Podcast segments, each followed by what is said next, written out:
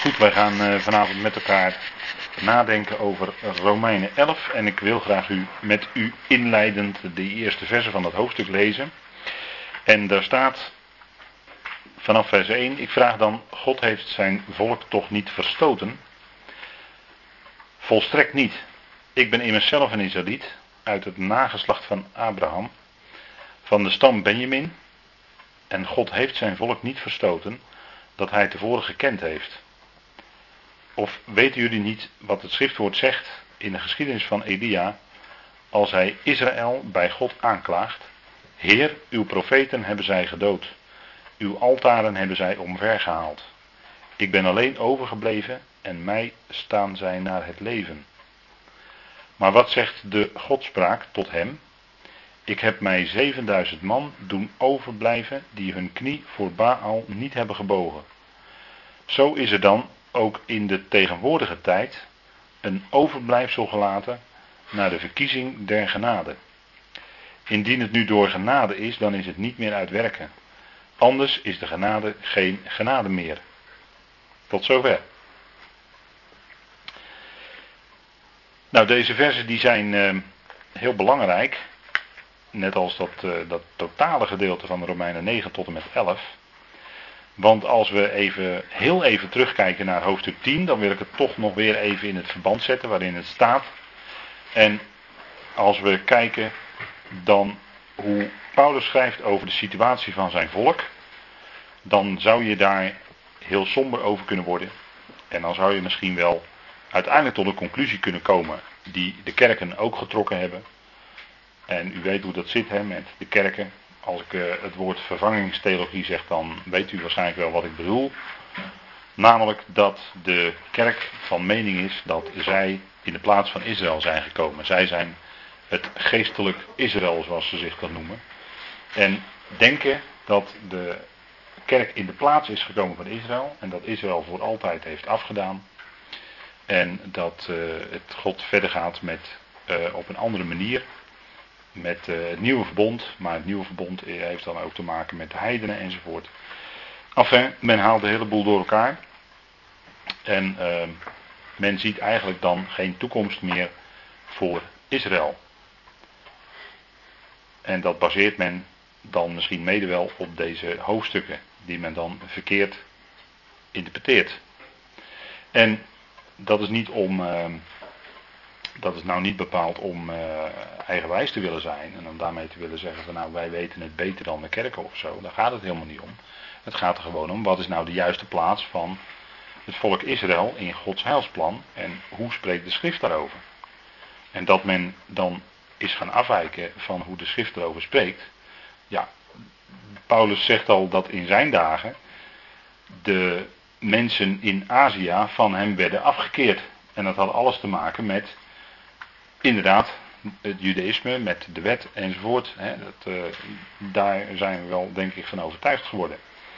Dus men is al in een heel vroeg stadium, heeft men Paulus losgelaten, of werd men van Paulus afgekeerd, is men een andere richting op gaan uh, denken, laat ik het zo maar zeggen. En dat heeft er uiteindelijk toe geleid dat de kerk van mening is geworden dat zij in de plaats gekomen zijn van Israël.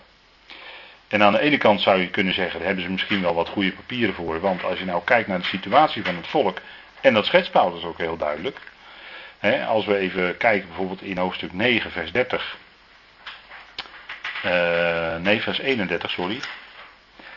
Daar gaat het om gerechtigheid uit geloof. Hè, dat is natuurlijk wat Paulus naar voren brengt.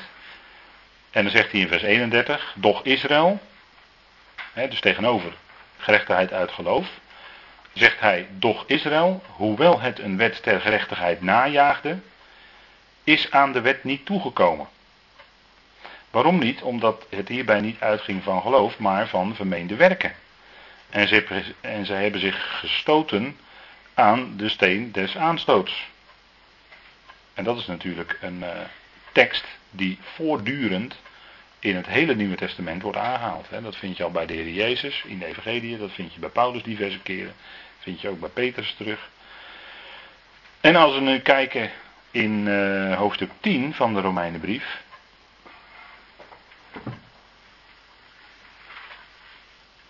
Dan zegt Paulus in vers 3 bijvoorbeeld. Want onbekend met Gods gerechtigheid, en dan spreekt hij dus weer over zijn eigen volk, en trachtende hun eigen gerechtigheid te doen gelden, hebben zij zich aan de gerechtigheid Gods niet onderworpen. Dus zij zijn niet ondergeschikt aan de gerechtigheid Gods. Nou, dat is wat Paulus dus nog meer duidelijk over zijn volk zegt. En dat is nou niet bepaald positief, als ik het even zo mag zeggen.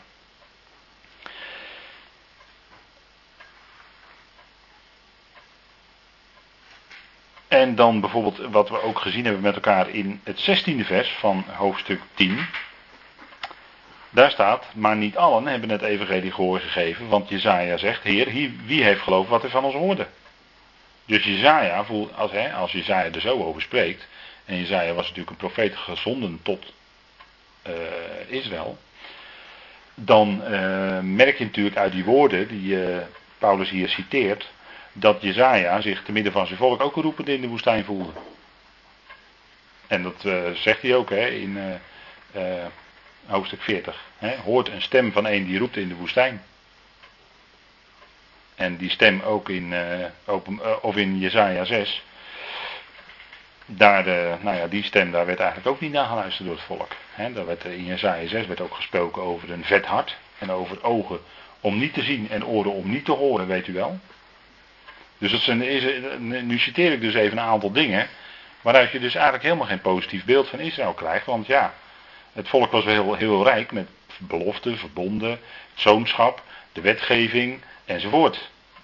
Maar wat deden ze? Ze luisterden niet naar de wet en ze maakten allemaal eigen regels erbij. Hè? De mondelinge Torah, zoals ze dat dan zeggen.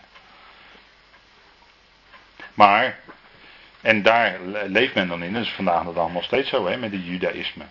Hè, men leeft eigenlijk bij de inzettingen, die zijn belangrijker in de praktijk dan de wet, hè, dan de Torah zelf in het Jodendom. Dus dat is een, ook een hele andere zaak. Nou, judaïsme, daar, daar uh, gaan we niet, uh, weer niet te diep op ingaan. Maar in ieder geval, als we deze dingen even op een rijtje zetten. En dan komen we uit bij een soort climax in hoofdstuk 10, vers 21. He, hebben de vorige keer zijn we daarbij geëindigd zo'n beetje. Twee weken geleden. Daar staat, maar van Israël zegt hij, zegt God dus. De ganse dag heb ik mijn handen uitgestrekt naar een ongehoorzaam, dus een weerspannig staat er eigenlijk, en tegensprekend volk. Dus het kenmerk van het volk is dat het ongehoorzaam is, dus dat het weerspannig is. Dat wil zeggen, ze hebben een harde nek. die nek staat gespannen, die wil zich niet buigen. En ik zou erbij kunnen zeggen dat de knieën ook gespannen staan en de knieën willen ook niet buigen. Dat is allemaal uh, weerspannigheid. En een tegensprekend volk. Ik heb u denk ik wel op gewezen dat het woord tegenspreken, dat staat in het Grieks anti-lego.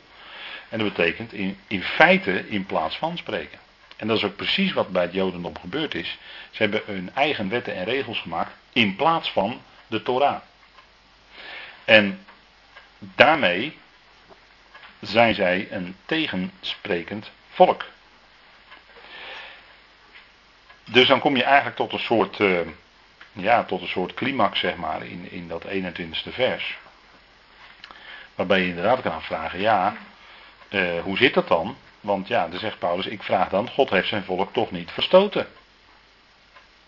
He, heeft dat volk toch niet van zich afgestoten, of van zich afgeplaatst, als ik het heel letterlijk neem vanuit het Grieks. Van zich afgeplaatst dus. En daar lijkt het wel op. Maar dan komt het aan. En nu heeft, de, nu heeft, nu heeft men dus gezegd. In uh, hele belangrijke theologische stroming, al zegt men dat al vele eeuwen. En vandaag de dag nog steeds. Dan zegt men ja, God heeft zijn volk verstoten. En ja, de kerk is in plaats gekomen van Israël. Maar wat zegt Paulus? Volstrekt niet. dus de kerk zegt op, op de vraag: God heeft zijn volk toch niet verstoten. Zegt de kerk, jawel hoor, ja, God heeft zijn volk verstoten en wij zijn in plaats gekomen van Israël. Wij zijn het geestelijk Israël. En Paulus zegt, volstrekt niet. Dus men heeft daarmee ook duidelijk Paulus verlaten. En onlangs is dat nog herhaald hè, door een belangrijke woordvoerder van het Vaticaan. Hè. Misschien heeft u dat wel gelezen in de nieuwsberichten. Dat is misschien niet zo'n opvallend berichtje, maar daarmee hebben ze weer heel veel weerstand opgeroepen bij, bij, uh, in, in Israël, laat ik het zo maar zeggen. Eh, heeft een belangrijke woordvoerder van het Vaticaan nog eens een keer herhaald. Dat de storende factor in het Midden-Oosten eigenlijk is de aanwezigheid van Israël. Ja, met, met, het, met hele verhaal erbij van een nou ja, politiek verhaal erbij dan van het bezette gebieden enzovoort. En uh, onderstreept nog eens een keer de leer van de leringen van de kerk. Dus dat, dat, dat volk eigenlijk niet in de ogen van hun opvattingen, van hun leringen, dat God, eh, dat, uh, God eigenlijk geen plaats meer toekent aan Israël. En dat is gewoon de officiële leer nog steeds van de Rooms-Katholieke Kerk hoor, vergist u zich niet. Ze hebben, het, uh, ze hebben bepaalde concilies echt niet herroepen. He, zo is er bijvoorbeeld, ik kan er nog wel eentje noemen, want dan, daar horen wij allemaal bij. Want we horen natuurlijk in de ogen van de Rooms-Katholieke Kerk horen wij ook bij de zogenaamde protestantse stroming. Want wij, wij, wij zijn min of meer in kielzog van Luther. Dan zeg ik het even heel erg grofweg. Maar in kielzog van Luther zitten wij een beetje voor de Rooms-Katholieke Kerk in die stroming. En uh, wij geloven ook in de rechtvaardiging door geloof. En daar is de banvloek opgekomen sinds het concilie van Trenten. En dat is al honderden jaren geleden hoor. Maar die banvloek. Hè, en dan zegt de kerk dus letterlijk, zal ik even letterlijk citeren. De, de Rooms-Katholieke Kerk zegt. Vervloekt is een ieder die leert dat de rechtvaardiging alleen uit geloof is. En dat heeft men nog nooit herroepen. Vraag het maar na binnen de Rooms-Katholieke Kerk als u het echt wil weten. Maar zo, zo ligt het. Ze hebben dat nog nooit herroepen. Dus ze blijven gewoon bij die leer. En daarmee zien we dus dat die leerlingen van de grote Rooms-Katholieke Kerk nog altijd voor henzelf overeind staan. En met alle mooie zalvende pogingen om de protestantse kerken te bewegen zich weer aan te sluiten bij de moederkerk. allemaal hele mooie pogingen worden gedaan, toenadering. Maar dan weet u wel gelijk wat de consequentie is. Hè? Als een kerk zich weer aansluit bij de Rooms-Katholieke Kerk. Want de Rooms-Katholieke Kerk gaat zijn eigen lering niet herroepen. Dan zou je dus als protestantse kerk zou je dus je eigen lering weer in moeten leveren. En je weer moeten aansluiten bij de Rooms-Katholieke Kerk. Dat is dan de consequentie. Ik zeg het maar even een keer. Maar goed, we hebben het nu over Israël. En uh, we zien dus dat een hele grote geestelijke stroming, om het zo maar te zeggen, nog steeds van mening is dat het volk Israël heeft afgedaan in Gods ogen. Waarbij ze dus helemaal ingaat tegen wat Paulus hier schrijft, want Paulus zegt volstrekt niet. En dat is voor mij eigenlijk wel genoeg. En ik denk voor u ook. Hè. Hè, er staan twee woorden in het Grieks. Eigenlijk moet je dat, zou je dat kunnen vertalen met mogen dat niet gebeuren. Maar, en dan zegt Paulus, ja, want kijk, wat is nou het bewijs? En het is natuurlijk geweldig dat hij dat zo zegt. Want hij zegt, ja, ik ben in mezelf een Israëliet. En hij is zelf een gelovige. Waarmee het bewijs gelijk geleverd is. Als er, als er in de dagen van Paulus een gelovig overblijfsel was, dan was het in ieder geval Paulus zelf. Er waren er nog meer hoor, maar het was in ieder geval Paulus zelf. Dus dat sowieso. En zegt, nou, ik ben een Israëliet uit het nageslacht van Abraham. En daar hebben we een lijntje naar geloof natuurlijk. En van de stam Benjamin. En dat zegt hij natuurlijk ook niet voor niks. Maar daar wil ik liever niet te diep op ingaan, want dat wordt dan wat, een wat langere, wat langere geschiedenis. Maar Benjamin betekent zoon van mijn rechterhand. En ik meen dat ik de vorige keer daar ook wel iets van gezegd heb dat het eigenlijk wel iets te maken heeft met, in zekere zin, met de plaats van de gemeente het liggen van Christus. Want die heeft natuurlijk met Christus de plaats aan de rechterhand Gods. de plaats aan de rechterhand van God. Dus zoon van mijn rechterhand slaat dan mede, mede op de gemeente.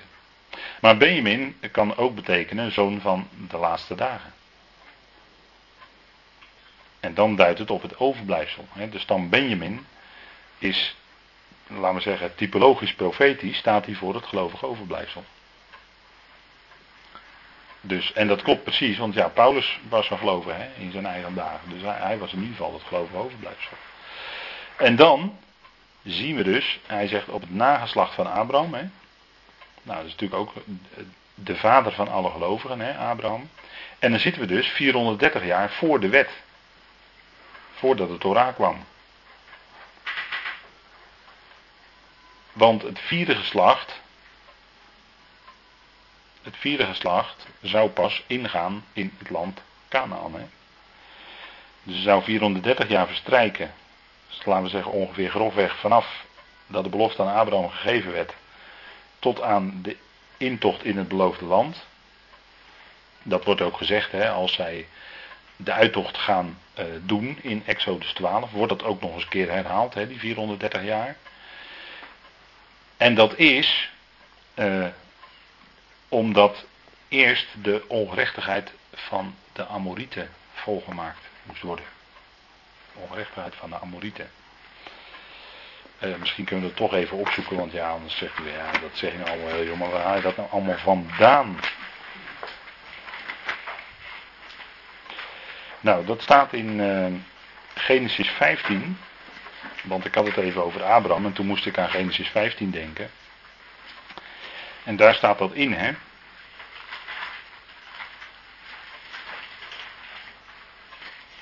Kijk, en uh, kijk, de, hele kwestie van uh, geloof en werken, die kun je eigenlijk heel makkelijk uh, laten zien. Het grote verschil tussen Paulus en Jacobus kun je heel makkelijk laten zien. Want kijk, Jacobus die zegt van ja, nee, wacht even, kijk.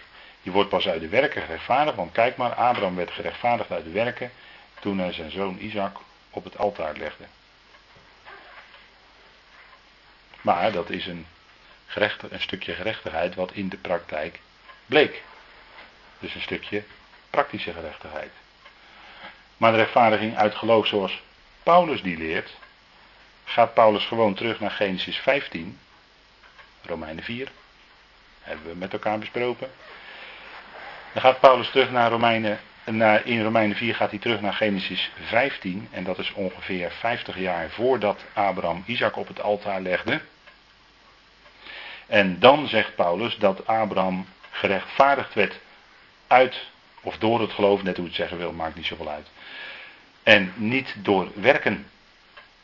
Dat baseert hij op Genesis 15, vers 5. Abraham geloofde God en het werd hem tot gerechtigheid gerekend. Kijk, toen werd Abraham gerechtvaardigd. Door geloof. En dus niet door werken. Jacobus heeft het over iets anders nou. Jacobus heeft het over een gerechtigheid die blijkt in de praktijk. En die schrijft dan ook aan de twaalf stammen. Want voor de twaalf stammen is dat ook zo. Hè, die wordt dat ook zo uitgelegd. Is, dan zit je ook in het evangelie van de besnijdenis. En met Paulus zit je in een ander evangelie.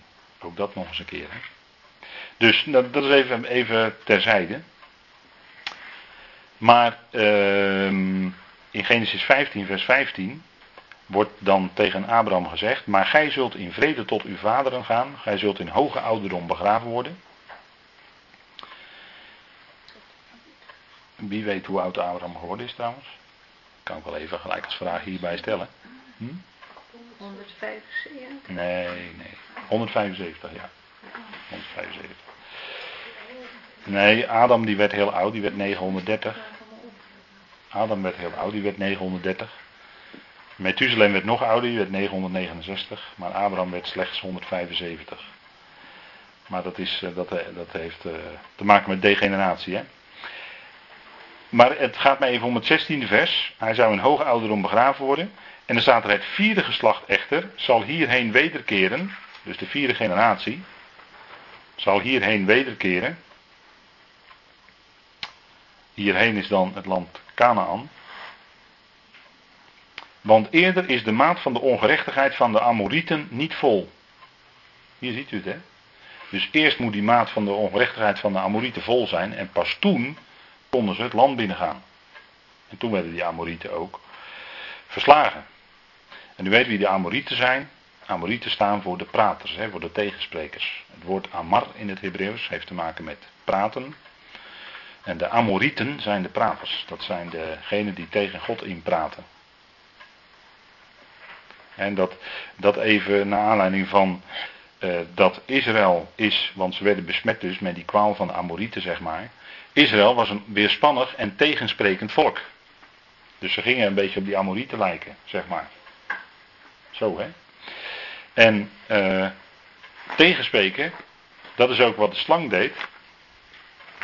Was eerst tegenspreken en daarna in plaats van spreken. En dat staat er eigenlijk. Anti-lego. Anti betekent eigenlijk in plaats van vanuit het Grieks. En lego is spreken. Dus zo gaat het altijd in de praktijk.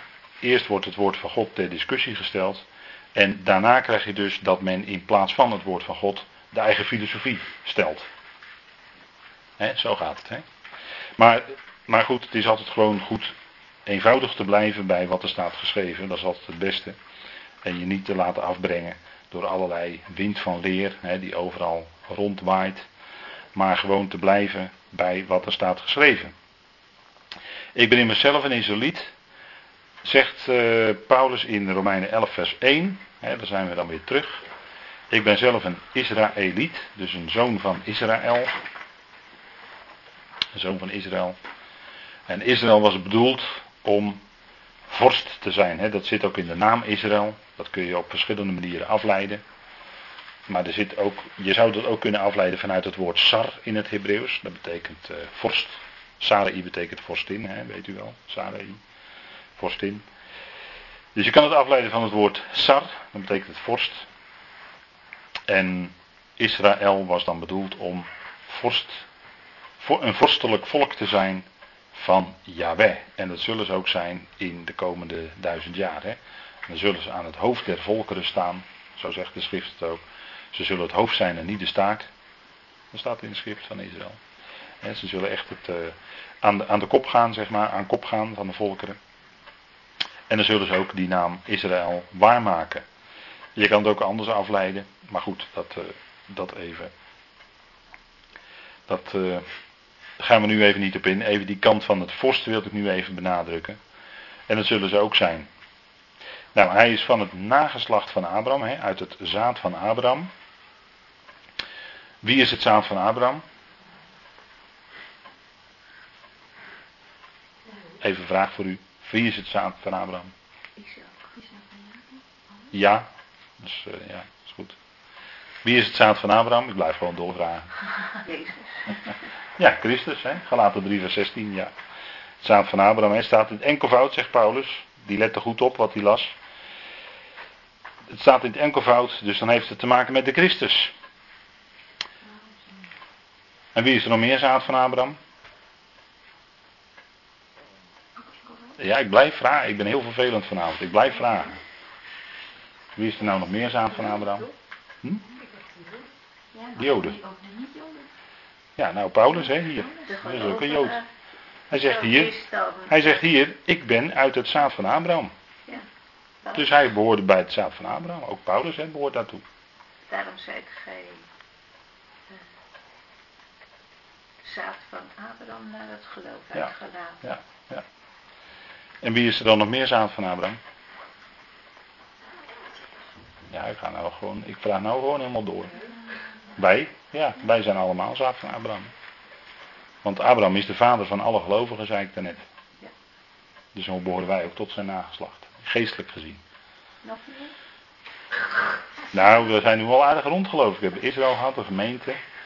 Christus, dus dan hebben we het wel zo'n beetje gehad, denk ik. Isaac hebben we ook nog genoemd, dus.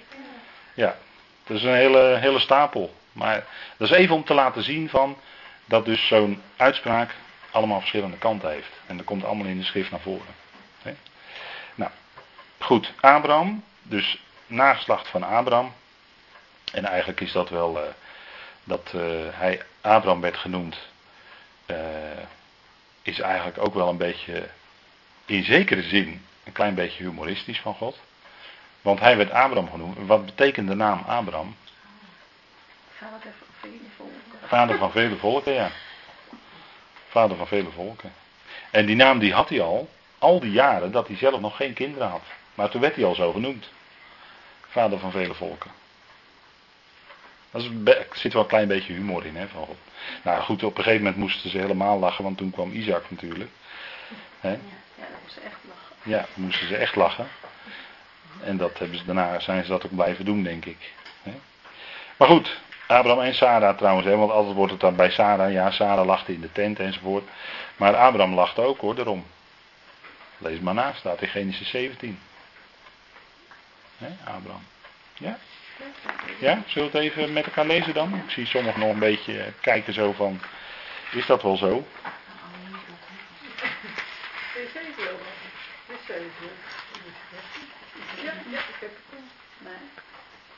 Nou, wij zeggen altijd heel populair van ja, eh, we rolden over de grond van het lachen. Maar dat deed Abraham toen.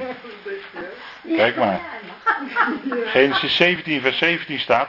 Toen wierp Abraham zich op zijn aangezicht, lachte en zei bij zichzelf, zal er aan een 100-jarige een kind geboren worden. En zal aan Sarah een 90-jarige baren. Dus hij lachte erom. Dus hij, hij lachte eerst, hè. En Sarah lacht het laatst. Ja. Leuk hè, is dat? Ja. Nou, goed, we weten dat zowel Abraham als Sarah er allebei om moesten lachen.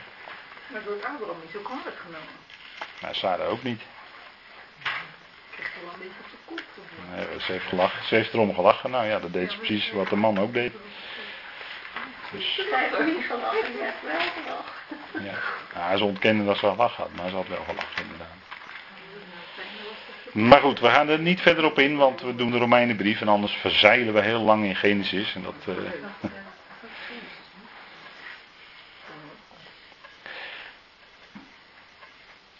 Goed, nou van de stam Benjamin. Dus dat was uh, een van de zoons van. Uh, een van de zoons van Jacob, ja. En van Rebecca Nee, nee, Rebecca niet. Uh, Rachel. Rachel, die stierf, ja. ja. Rachel. Ja. Ja, maar zo schijn je dat te moeten zeggen, Rachel. In het Hebreeuws. Ja, dat is echt zo. Dus Jozef en Benjamin, hè, daar ging ook de, het eerstgeboorterecht.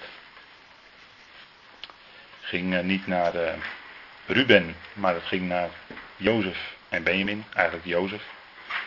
En via Jozef ging, kwam het bij Ephraim terecht. Hè? Niet Manasse, maar Ephraim. U weet wel altijd hoe het zit. Hè? Als het gaat om de eerstgeboorte, dan krijgt de tweede altijd het eerstgeboorterecht.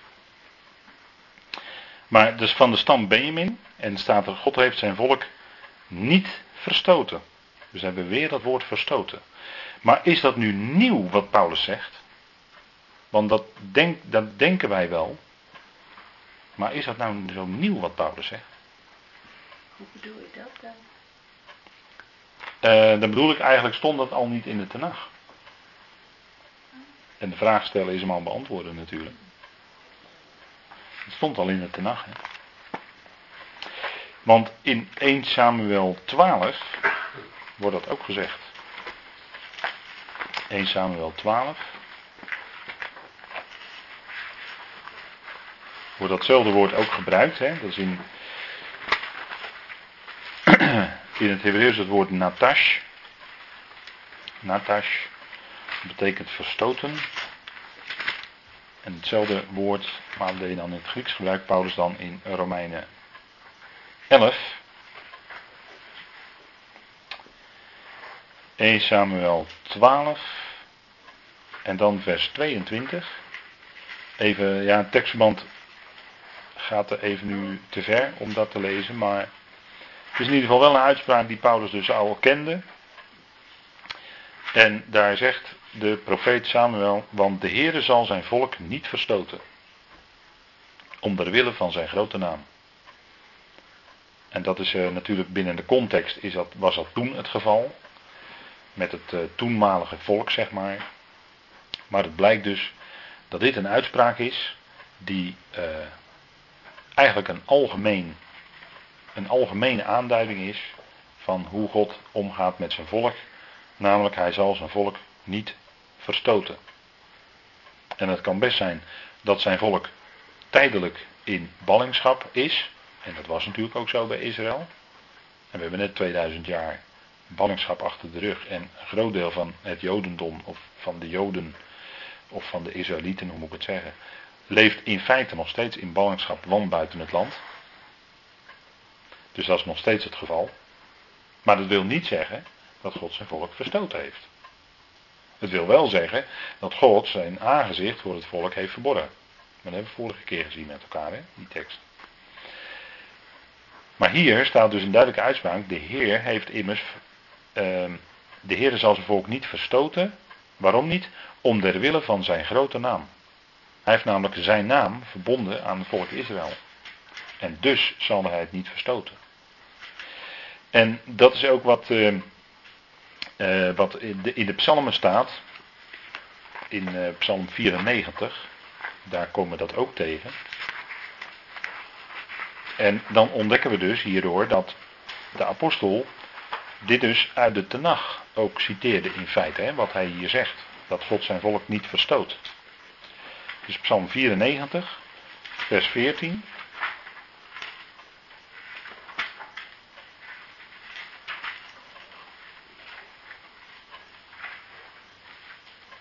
En dat zei eh, de psalmist natuurlijk naar aanleiding van de beloften die gegeven zijn in de Torah. En natuurlijk ook aan de hand van Samuel. Want de Heere, Psalm 94 vers 14. Want de Heere zal zijn volk niet verstoten en zijn erfdeel niet verlaten. Ziet u het? Dat dus de Heer dat volk van hem niet verstoot. En dat, hier staat weer het Hebreeuwse woord natash. En dat betekent dus verstoten.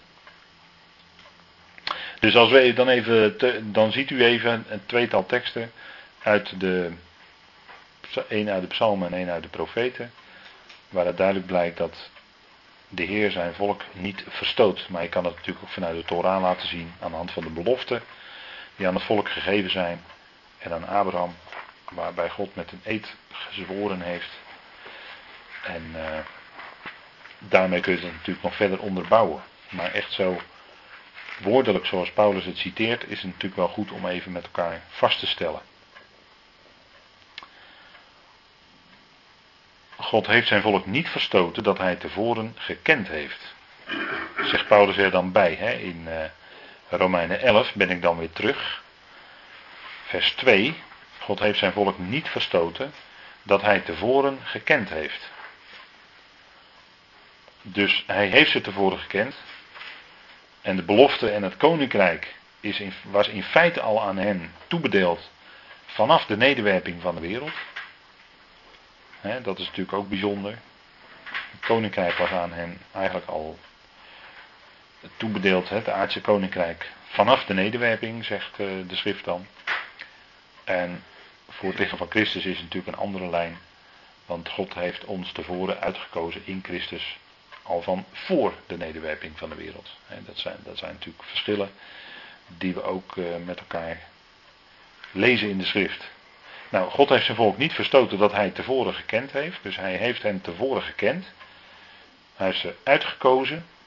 Niet omdat het nou zo'n groot en talrijk volk is en zo'n best volk was, maar gewoon, zegt God in Deuteronomium, ja wij in Deuteronomium, gewoon omdat hij dat volk lief heeft.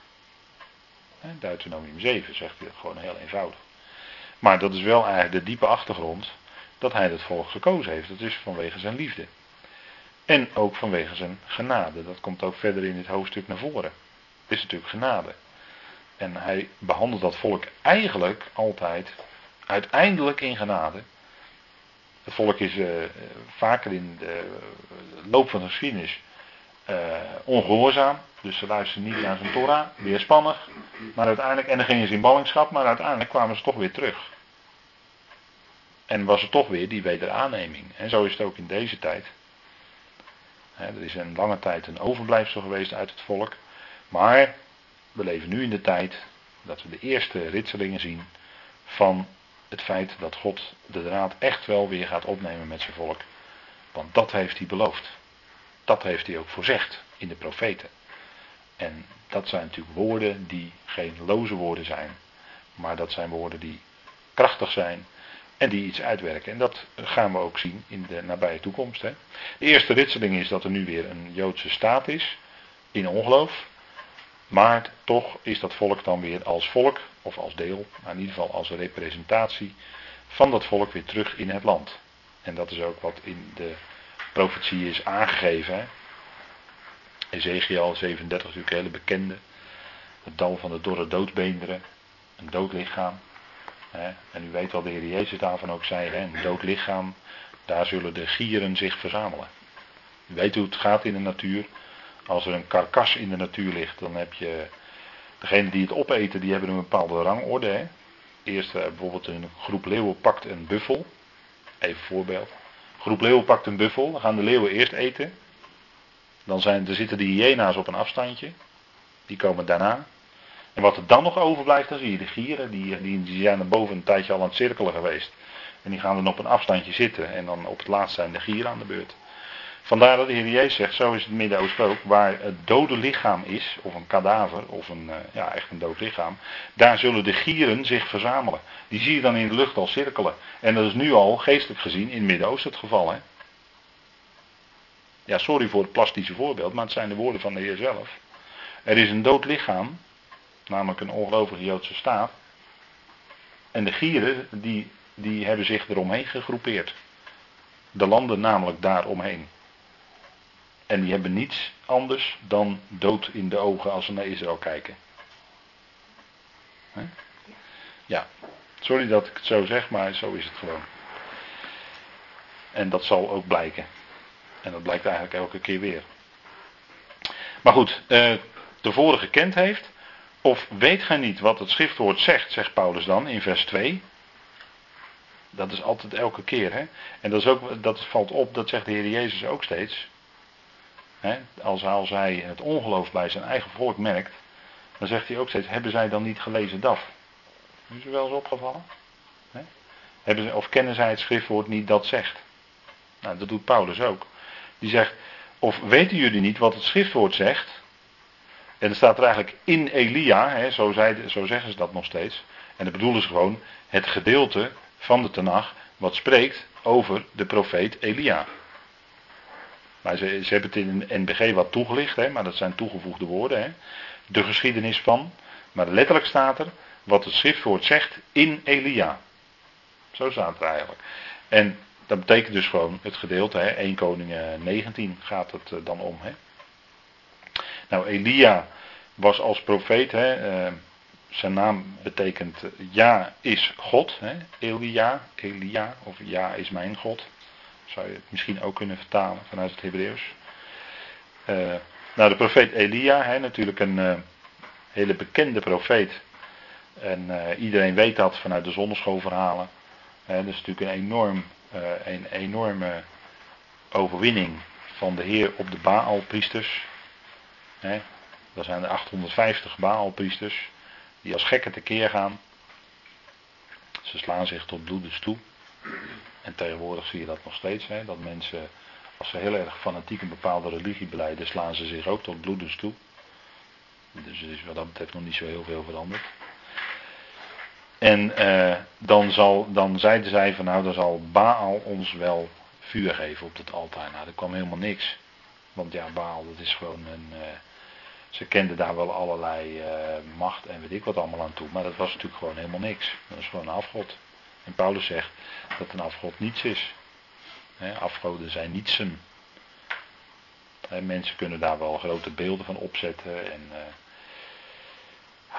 ja, houten beelden maken. Zilver en koperen beelden. Noem alles maar op. En dan vervolgens uh, eerst het zelf maken. En dan daarna hun knieën ervoor buigen. En, en hulp aan afsmeken. En nou ja, we lachen er maar wat om.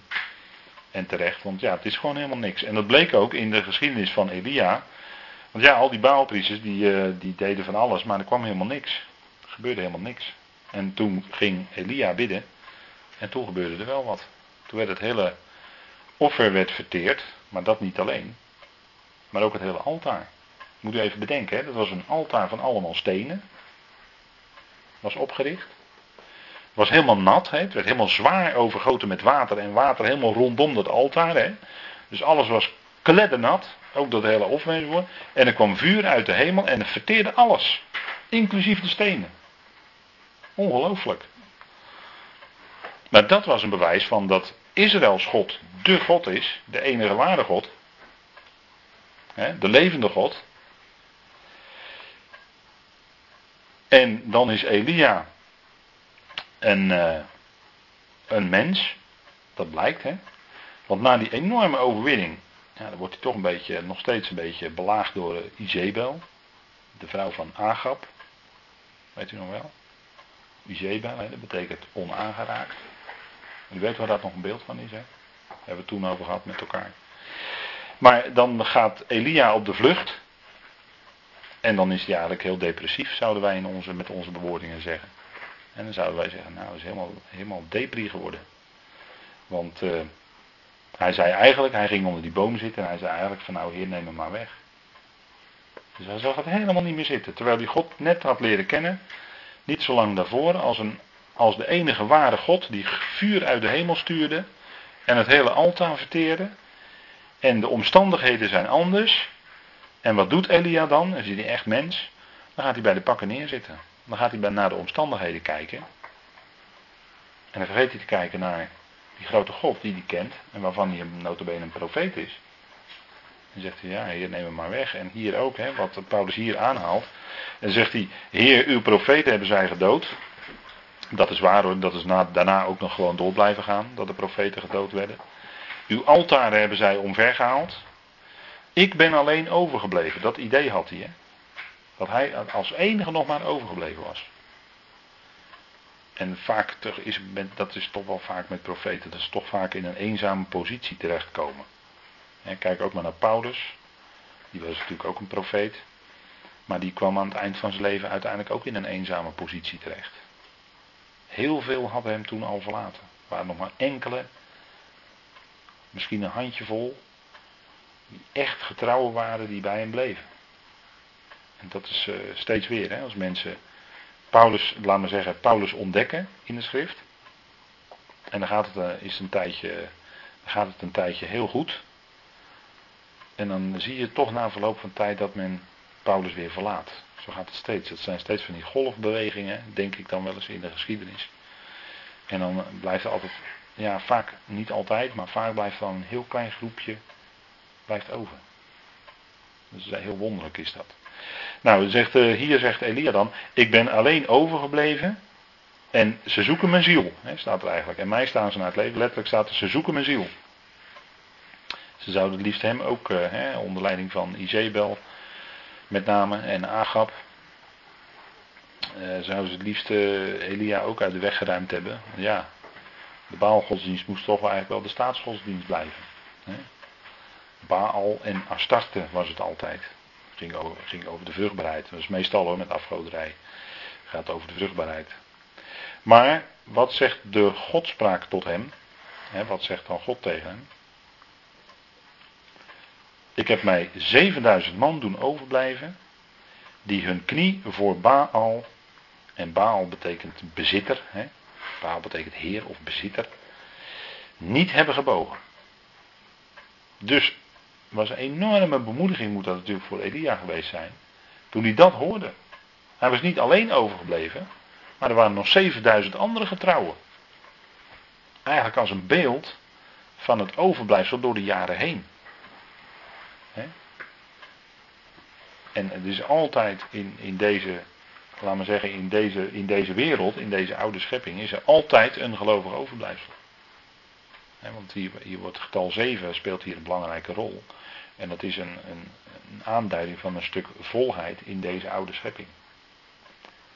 En ben je eentje verder, dan zit je in de nieuwe schepping, hè? Acht. Bij de achtste zit je in de nieuwe schepping. Maar goed, dat, uh, dat even terzijde. Maar 7000, dat moet een enorme bemoediging geweest zijn voor, uh, voor Elia, toen hij dat hoorde. Dat er toch nog meer getrouwen waren. Dat er toch nog waren die hun knieën niet hadden gebogen voor de Baal.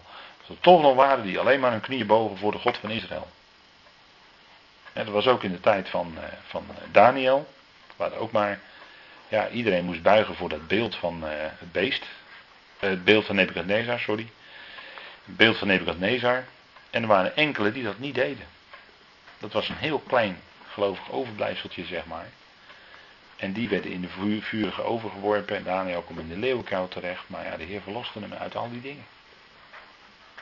Als een beeld, een type van Christus natuurlijk. Maar de Heer verloste hem. Het gelovige overblijfsel. Nou, en dan zegt Paulus, kijk, dat is een voorbeeld uit de geschiedenis. En zo is er altijd een gelovig overblijfsel geweest. Misschien hoe klein ook maar. En dan zegt hij, zo is er ook in de tegenwoordige tijd een overblijfsel gelaten naar de verkiezing der genade. Kijk, als God uitkiest, hè, hier staat het woord uitkiezen, ek lego is het vanaf geleid. Het is de verkiezing van de genade. Dus God schenkt die genade en wat blijkt dat uit? Dat hij in deze tijd, ook in deze tijd, een overblijfsel heeft, een gelovig overblijfsel, wat hij heeft uitgekozen. dus te midden van die miljarden mensen zijn er gelovigen en dat is het gelovig overblijfsel. als je kijkt naar de grote mensenmassa, de hele wereldbevolking, wat nu bijna 7 miljard is inmiddels. En je zet daar af, je zet daar tegen af het aantal echte gelovigen. Nou, dan is dat niet veel. Verhoudingsgewijs. Ik weet niet hoeveel dat er zijn. Daar heb ik echt geen idee van. Maar het zijn er niet veel verhoudingsgewijs. Het is echt een gelovig overblijfsel. En die zullen allemaal weggehaald worden als de bazuin klinkt. Maar hier specifiek, als het dan gaat om uit Israël, want dat is eigenlijk het tekstverband hier. Als het gaat om uit Israël, dan zegt Paulus, ja, ook in deze tijd is er ook uit Israël nog een gelovig overblijfsel. Er zijn ook gelovigen uit het volk Israël. Paulus was daar één van. En die horen ook bij het lichaam. maar dat is naar de verkiezing der genade. Dat is het, hè. God kiest uit. En vaak wordt er gezegd, laat me zeggen, in het jargon waarmee wordt geëvangeliseerd. Vaak wordt er dan gezegd van ja, je moet een keuze maken. Maar moet u even opletten, hè, want kijk, als er dan gezegd wordt je moet een keuze maken, dan is, het, dan heeft dit eigenlijk, dan is dit eigenlijk de achtergrond. Uh, God heeft heel veel gedaan. Hij heeft zijn zoon gestuurd, die is voor de zonde van de wereld gestorven. Hij heeft hem opgewekt uit de dood. Hij is weer naar de hemel gevaren. Dat heeft God allemaal gedaan. Maar. Dat is evangelisatie, hè? zo doet men dat. Hè? Maar. Wil je dat deel aan krijgen, dan moet jij een keuze maken. En dan zou ik als wedervraag, als tegenvraag dan willen stellen. Die discipelen die met de Heer Jezus meeliepen, hadden die zelf ervoor gekozen om met hem mee te gaan? Nee, die werden stuk voor stuk. Nee. Nee, want wat zegt de Heer Jezus in Johannes 15? Precies. Niet jullie hebben mij, zegt de Heer Jezus tegen zijn eigen discipelen, maar ik heb jullie uitgekozen. En, jullie aangenomen. Begrijpt u het? Dus zo zit het met het kiezen. Hè? Je kan dus uit, uit de schrift, kan je dus nooit hard maken, dat mensen een keuze moeten maken. En want, weet je wat je dan krijgt? Dan, dan kan iemand zeggen, ja, maar ik heb toen gekozen. Met andere woorden, ik heb een heel klein stukje eigen werk. Maar daar is God dan uiteindelijk wel van. Als je goed, even, ik ben nu even goed scherp op die evangelieprediking, hoe het dan gebracht wordt. Uh, dan is uiteindelijk, God heeft dan heel veel gedaan, maar dat kleine beetje, dat is eigenlijk voor die mens zelf eigenlijk alles. Dus eigenlijk is het andersom weer heel veel. Voor dat kleine beetje moet jij dus die keuze maken. En als jij die keuze niet maakt, heb je geen deel aan, wordt er dan gezegd. Nou, dat is het natuurlijk niet. Want wat is het evangelie? Het evangelie is dat God door Christus de losprijs betaald heeft. De losprijs is betaald voor wie? Voor allen, ja. De losprijs is betaald voor allen. Dat betekent dus dat God die hele mensheid, door dat wat Christus deed, heeft losgekocht. Dus die hele mensheid is al losgekocht. Het is alleen een kwestie van, de genadeboodschap zegt dan, van ja, God is je redder. God is je redder. En als je dat aan iemand duidelijk kan maken. En die ander wordt daar blij mee en die gaat daar God voor danken. Nou. Maar dan kan je nooit zeggen van, ja maar ik heb gekozen. Dat is ook dat is ook niet de prediking. Het evangelie zegt het niet. Het evangelie benadert het niet zo. Dus dan zouden wij dat ook niet zo doen. Ja, God heeft een heleboel gedaan, maar nu moet jij wel kiezen. Nee, zo is het niet. Nee, God heeft alles gedaan en hij kiest. Dat is het evangelie.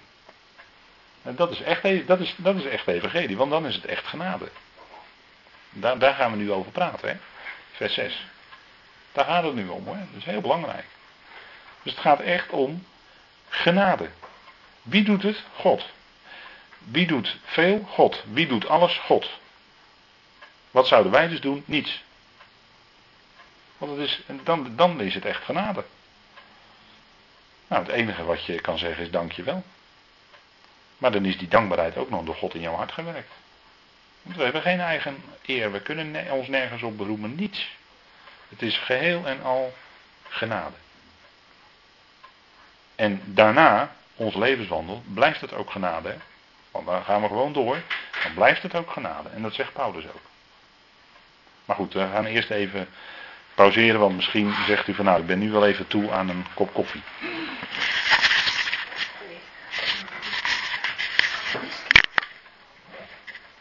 Goed, wij kijken naar uh, Romeinen 11.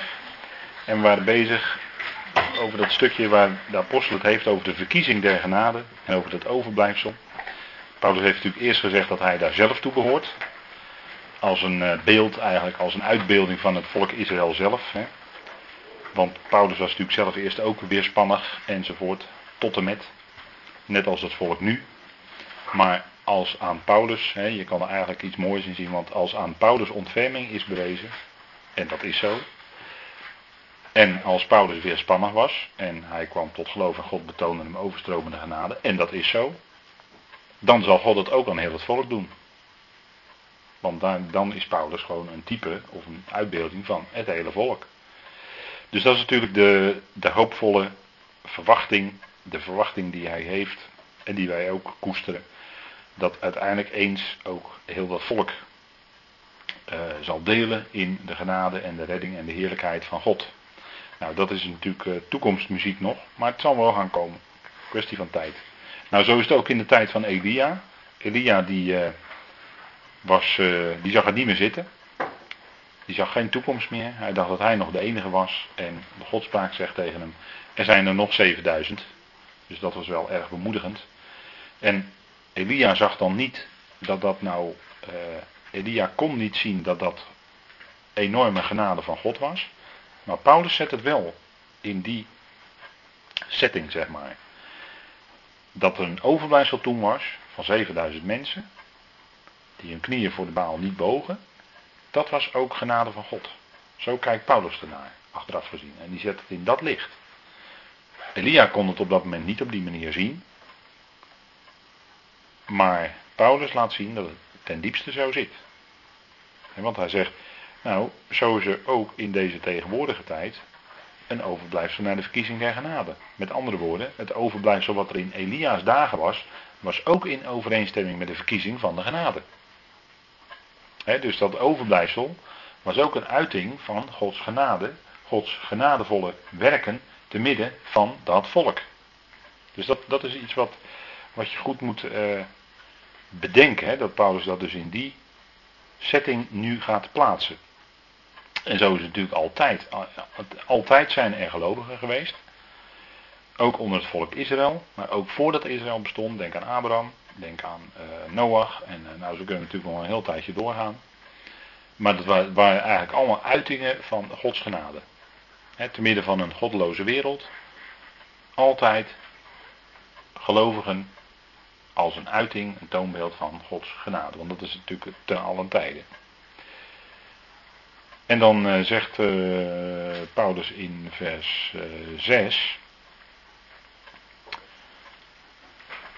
Indien het nu door genade is, dan is het niet meer uit werken. Anders is de genade geen genade meer. En eigenlijk loopt deze tekst nog wat langer door. Hè. In de oude vertaling vind je dat nog terug. En dat is ook in feite wel toch gebaseerd op de beste handschriften. Want Paulus voegt er dan nog toe, indien het uit werken is, dan is het niet langer genade, anders is het werk geen werk meer. Dat is eigenlijk de complete toevoeging die je erbij moet bedenken En die ook in de concordante vertalingen is opgenomen. En zo is dat ook in de Statenvertaling. En dat is eigenlijk heel simpel gezegd. Hè? Uh, en eigenlijk staat er, en dat is wel dan even een verfijning die, we moeten, die je kan aanbrengen. Indien het nu in genade is. En dan zeg je, ja, wat is dat nou voor een verschil? Door genade of in genade?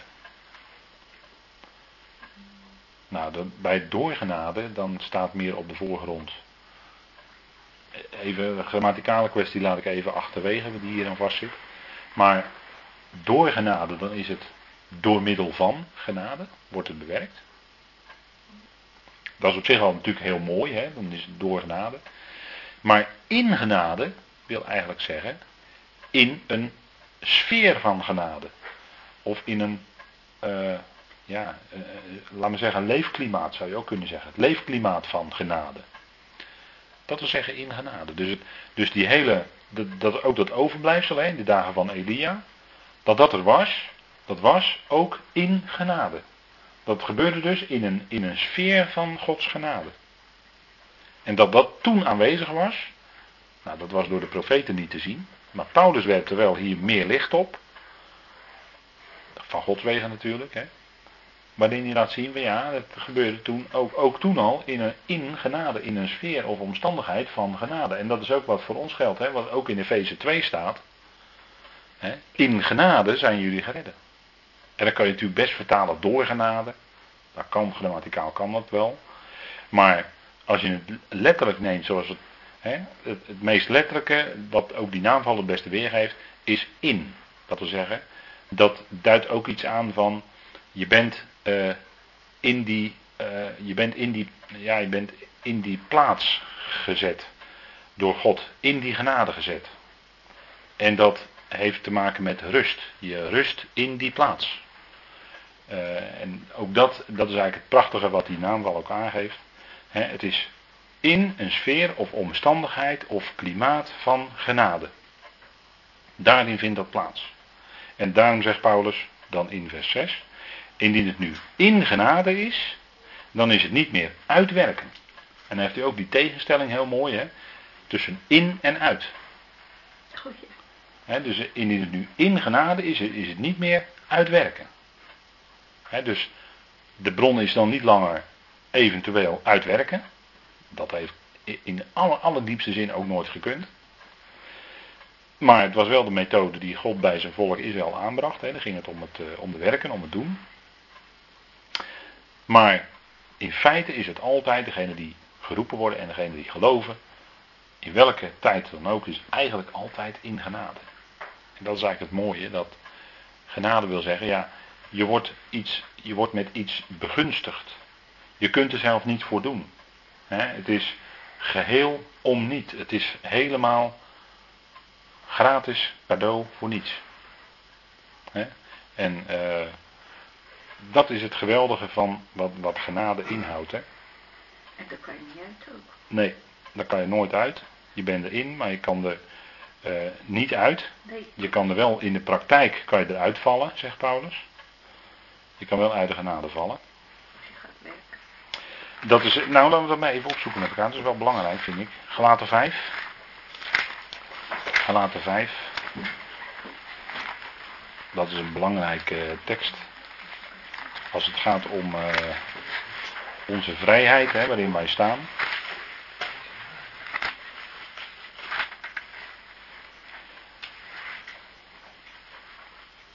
Kijk, er staat in Gelaten 5 vanaf vers 1. Opdat wij waarlijk vrij zouden zijn, heeft Christus ons vrijgemaakt. Houd de stand en laat u niet weer een slavenjuk opleggen. En dat was natuurlijk bij die gelaten aan de hand. Hè. Die uh, dreigden weer, of nou in de praktijk was het ook echt zo, die waren weer onder de wet teruggebracht. Hè, die gingen ook de. Nou ja, goed, ik ga daar niet te veel over zeggen, maar in ieder geval, die werden weer eh, onder de wet teruggebracht. En daar, vandaar dat Paulus die brief zo scherp, ernstig schrijft.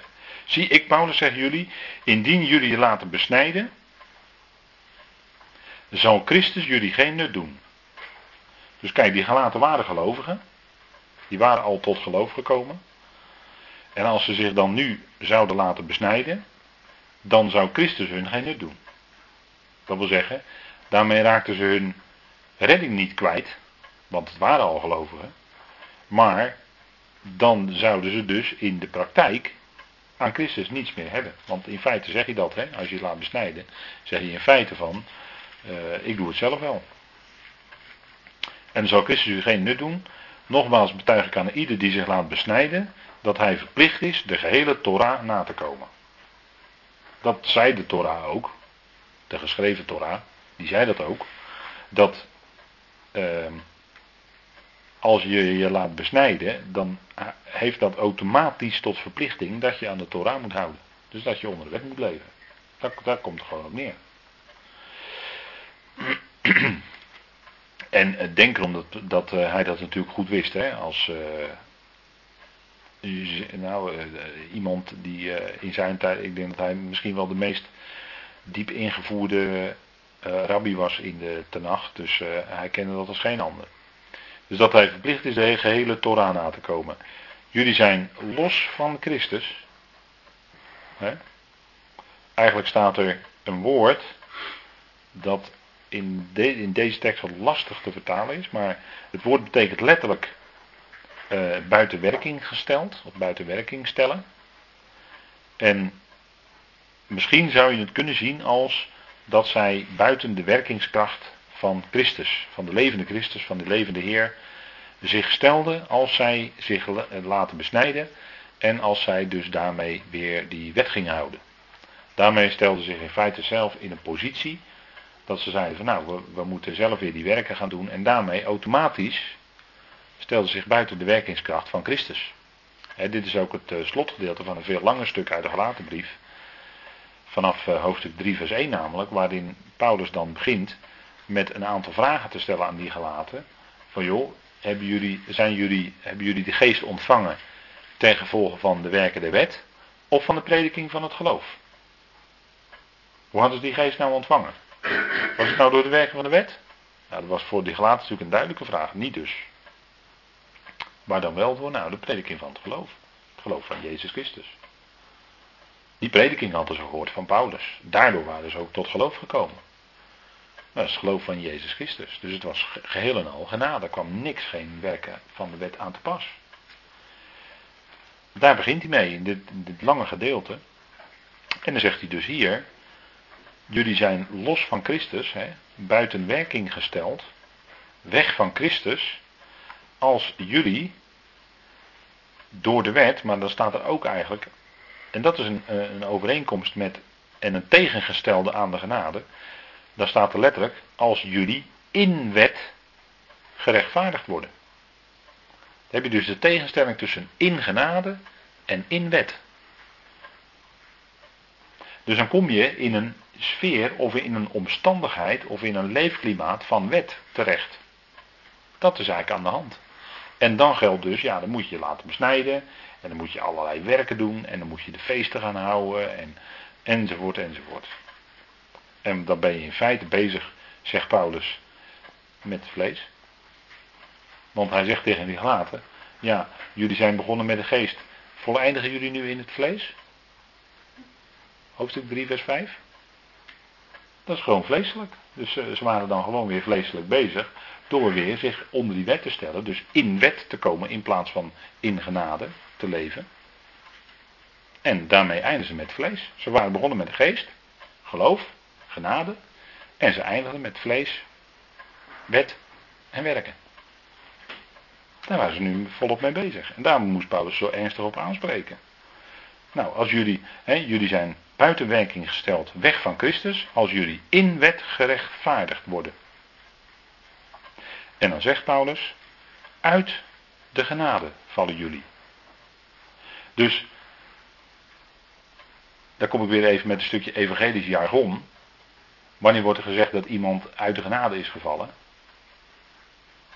Als iemand een soort uh, verkeerde, verkeerde manier van leven erop na gaat houden, in de zin we gaan liederlijk leven. Of dan zeggen ze, die en die gaat in zonde leven. Of dan zeggen ze, in, dat zeggen ze dan in de kerk, hè? maar in de evangelische jargon zeggen ze dan, die en die is uit de genade gevallen. Nee, juist niet. Maar dat is het juist niet, want uit de genade vallen betekent dus eigenlijk dat je onder de wet gaat leven. Dat is uit de genade vallen. Dat zegt Paulus hier. Dus hebben we weer die tegenstelling. Op het moment dat je in wet gerechtvaardigd wordt, dus je gaat in wet, in een omstandigheid van wet ga je leven, val je uit de genade.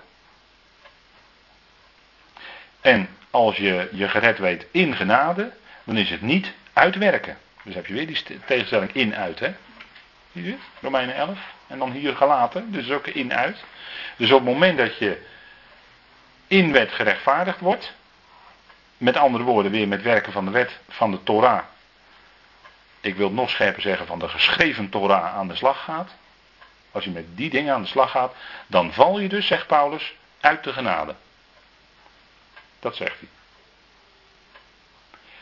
En dat, dat, is, het, dat is het natuurlijk ook precies. En dat is, dat is precies wat je in Romeinen 11 dus ook leest. Want daar is Paulus in feite met dezelfde lijn van betoog bezig. Als het in genade is, dan is het dus niet uitwerken. En dat is een boodschap die is moeilijk voor de mens. En dat is een reden. Hè, in het eerste gedeelte hadden we het heel even over dat mensen uh, een tijdje blij zijn met de apostel Paulus. En met het, uh, dan bedoel ik eigenlijk blij zijn met de boodschap die hij brengt. Maar ja, als het genade is. Ja, dan heb je geen eigen roem. Hè? Dan heb je geen werken namelijk. En dan kun je ook geen werk in je rekening brengen.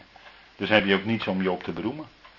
Dus dan, dan, dat is aanstotelijk voor de mens. Want dat is dus de, het struikelblok of de valstrik of de aanstoot van het kruis.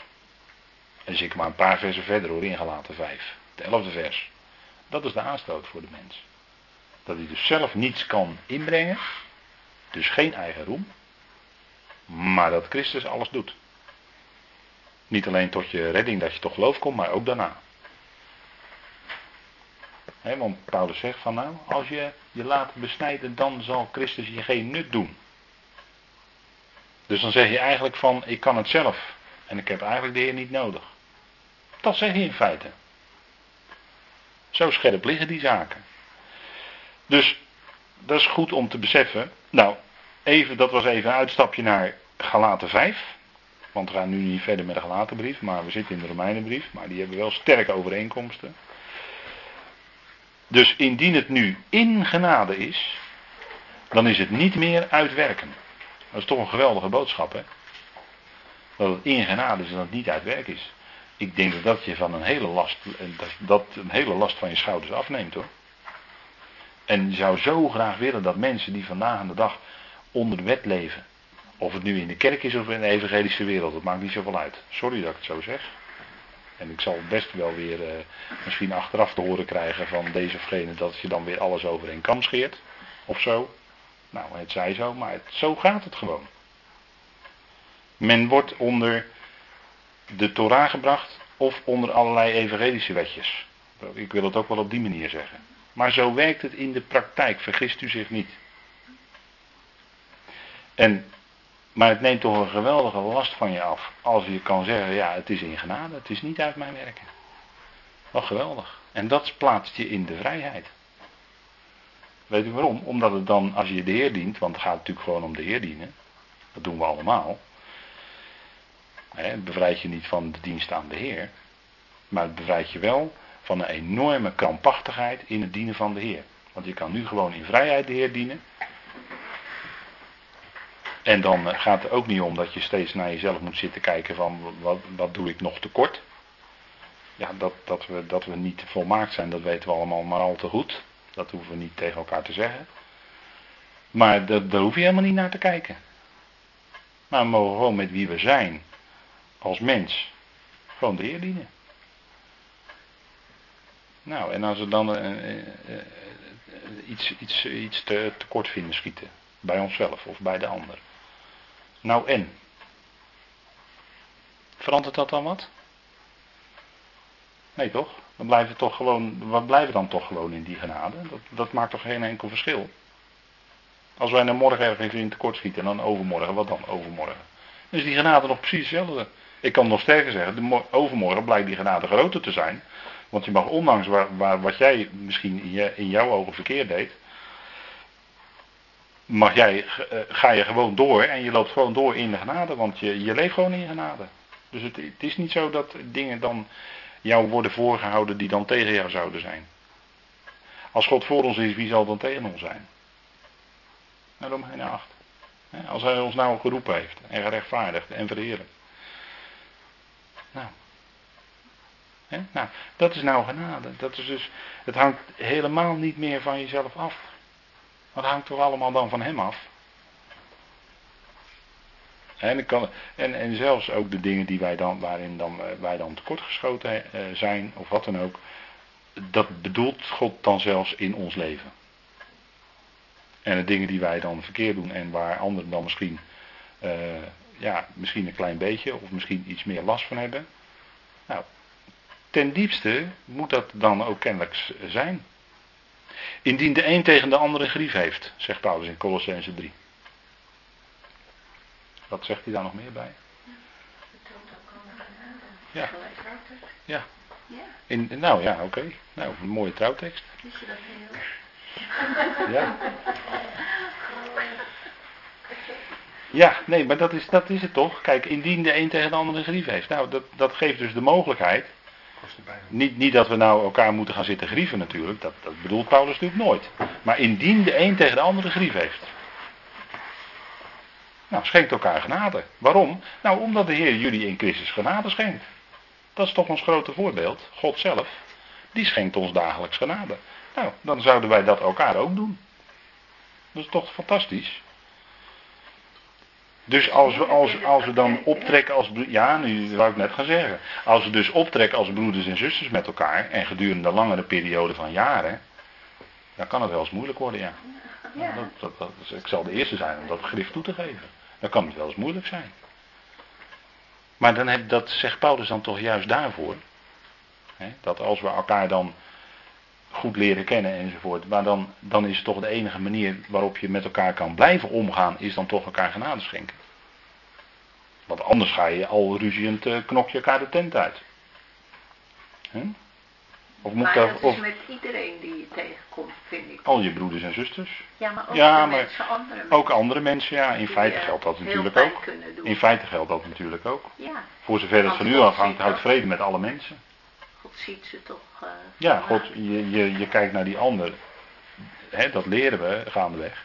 Naar die ander te kijken zoals God naar die ander kijkt. En van daaruit, nou, verzoening. Dus voor zover het van u afhangt, houdt vrede met alle mensen. Romeinen 12, dat is toch ook genade? Ik vind met een gelovige moeilijker. Als een, ja. ongelovige, ja. ja, die weet niet beter. Ja. Maar dan is het toch moeilijk als iemand het gehoord van het woord komt. En uh, ja. ik heb, oh, hè? Ja. Ja. Ja. Ja. was er niet alweer moeilijk. Ja. Ja, maar daar, dat is nou de praktijk. Nou ja, dat is dus de praktijk, hè? vind ik wel. Indien de een tegen de andere grief heeft, dan gaan we niet elkaar de tent uitknokken. Ja, ik zeg maar even gewoon op z'n Rotterdams dan, hè? Dan begrijpen we het allemaal gelijk wat we bedoelen. Maar dan blijven met, kunnen we wel met elkaar blijven omgaan. Wat is dan de basis? Nou, de basis is genade. Omdat we allemaal in die genade leven. Dat is de enige manier. Gaat het anders, ja, dan, dan, heb je, dan hoef ik de treurige geschiedenis niet te vertellen, toch? Van de kerken en eh, de evangelische wereld. Splitsing op splitsing, groep op groep, splinter op splinter. Hier wat, daar wat. Hm? Zo gaat het dan. Uh, genade is de enige weg. En dat is natuurlijk ook het hoogste. Hè? Genade is de waarheid voor ons. Nou, de waarheid is het hoogste. De gemeente is ook eigenlijk bedoeld om te zijn een pilaar en vastigheid van de waarheid. Hè? Pilaar en fundament van de waarheid. Dat behoort de gemeente te zijn, het huis Gods. Nou, de hoogste waarheid voor ons is genade. Dat is, de, dat is de, de juweel van het Paulinische evangelie. En dat is wat, wat uh, ook werkt. Hè?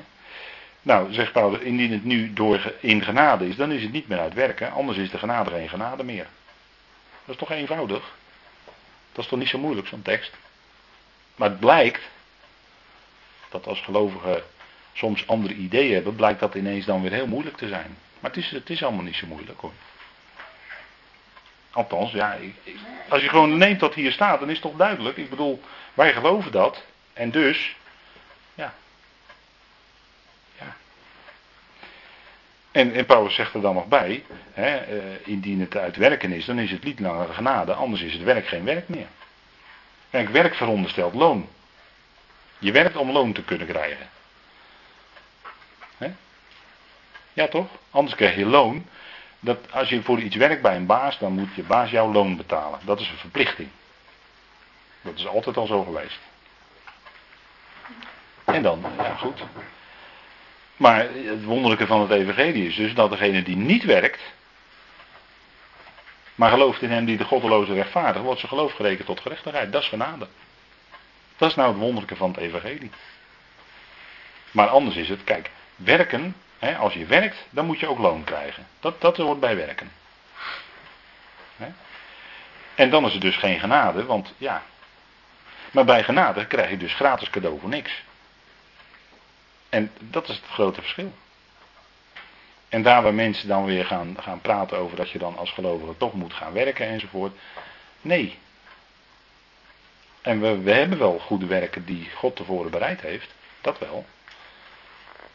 He? Opdat wij daarin wandelen. Maar dat zijn dan ook die werken die hij tevoren bereid heeft. En wij wandelen daarin, maar hij heeft het al klaargelegd.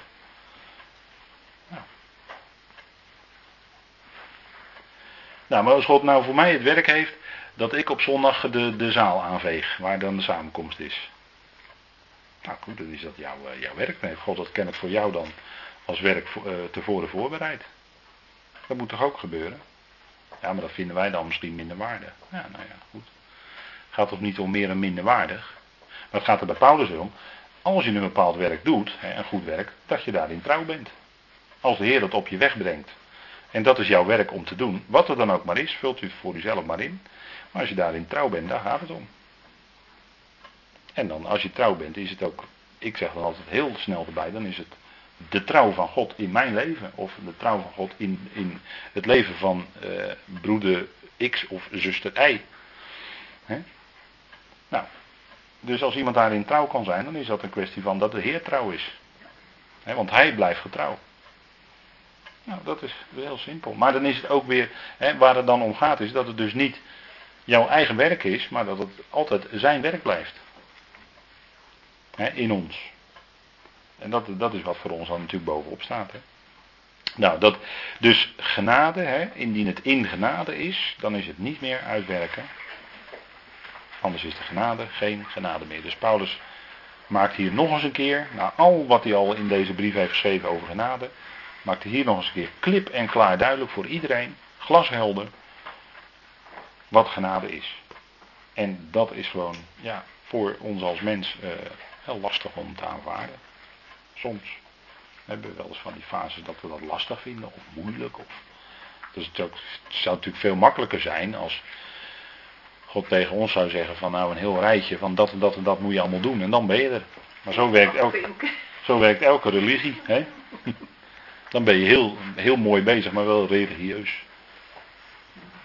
Dat religieus is vaak met een aantal stappen, heel veel dingen die je moet doen. Hè, zoveel gebeden per dag opzeggen, of een keer op bedevaart gaan, of een keer dit en een keer dat, en uh, één keer per, uh, per, per, week of per maand naar de samenkomst, of weet ik wat allemaal. Dat zijn allemaal van die. En dat helpt allemaal niks. Dat betekent, ook, betekent eigenlijk ook niks. Maar het, het is genade, hè? dus nou, Anders is genade geen genade meer. En het is uitwerken. Hè? Dat is het tegenovergestelde. Hè? En die er door werken is. Dan is het niet langer genade, want anders is het werk geen werk meer.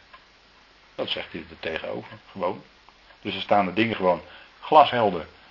Duidelijk tegenover elkaar. Zodat we allemaal goed kunnen begrijpen hoe het zit. En ja, goed, als je dat ziet bij Paulus, dan is het denk ik ook niet zo moeilijk meer. En eh, Israël, die verwachten het van de werken. De werken die zij eh, deden. Maar ja, dat is een, eh, dat is een eindeloos verhaal. Dan kun je natuurlijk allerlei dingen gaan invullen. Maar blijven bij gewoon eenvoudig het leven in genade. Ja, dat is in feite de weg die, die de apostel ons wijst. Hè. Daarbij blijven, bij die genade. Dat is ook het, het beste. En dat is ook iets wat je ja, genade is ook iets wat je echt blij van binnen doet zijn. Toch? Dat is echt wat blijdschap in je hart geeft. Dat is, ja, dankbaarheid. Maar dat zit ook allemaal in het woord genade. En dat in die wereld, in die tijd, had, had het woord genade ook echt wel de betekenis. In die betekenissen. Het was in die Griekse wereld een heel bekend begrip. En het had die notities, noties wat in zich. En natuurlijk in de schrift wordt het gebruikt op een bijzondere manier. En er zitten die betekenissen wel in, maar dan gaat het natuurlijk nog wel een stap, paar stapjes dieper. Omdat er dan genade is die van God komt. Hè, in het evangelie. Dus ja, dat is natuurlijk fantastisch. Maar dat is ook wat het hele, ja, dat hele begrip allemaal uh, uitdrukt. En het wordt bij Paulus natuurlijk ook uh, het meest gebruikt. Hè. Paulus gebruikt het meeste van alle apostelen. En dat is ook logisch, want dat is ook het kenmerk van zijn evangelie. Hè, dat is... Uh, bij de muziek heb je vaak een grondtoon die dan de, het hele muziekstuk draagt. Nou, zoals bij Paulus de grondtoon is genade. En dat is in feite de, de dragende factor, zou je kunnen zeggen, voor zijn hele evangelie. En dan is het ook echt, een, dan is het ook echt goed nieuws. Hè? Dan is het echt uh, goed nieuws. Dan is het echt evangelie. Een blijde boodschap. Een boodschap die je ook blij maakt van binnen. En blij houdt van binnen. En waarbij gelovigen onderling elkaar ook blij kunnen maken doordat ze elkaar genade schenken. Ja, dat is natuurlijk het geweldige. Dus ja, kenmerk van de gelovige is dat hij altijd blijdschap of vreugde in zijn hart heeft, want die genade zit in het hart. Goed, nou ik wil het hierbij laten, tenzij er nog uh, prangende of dringende vragen zijn. Nee? Oké, dan laten we het hierbij.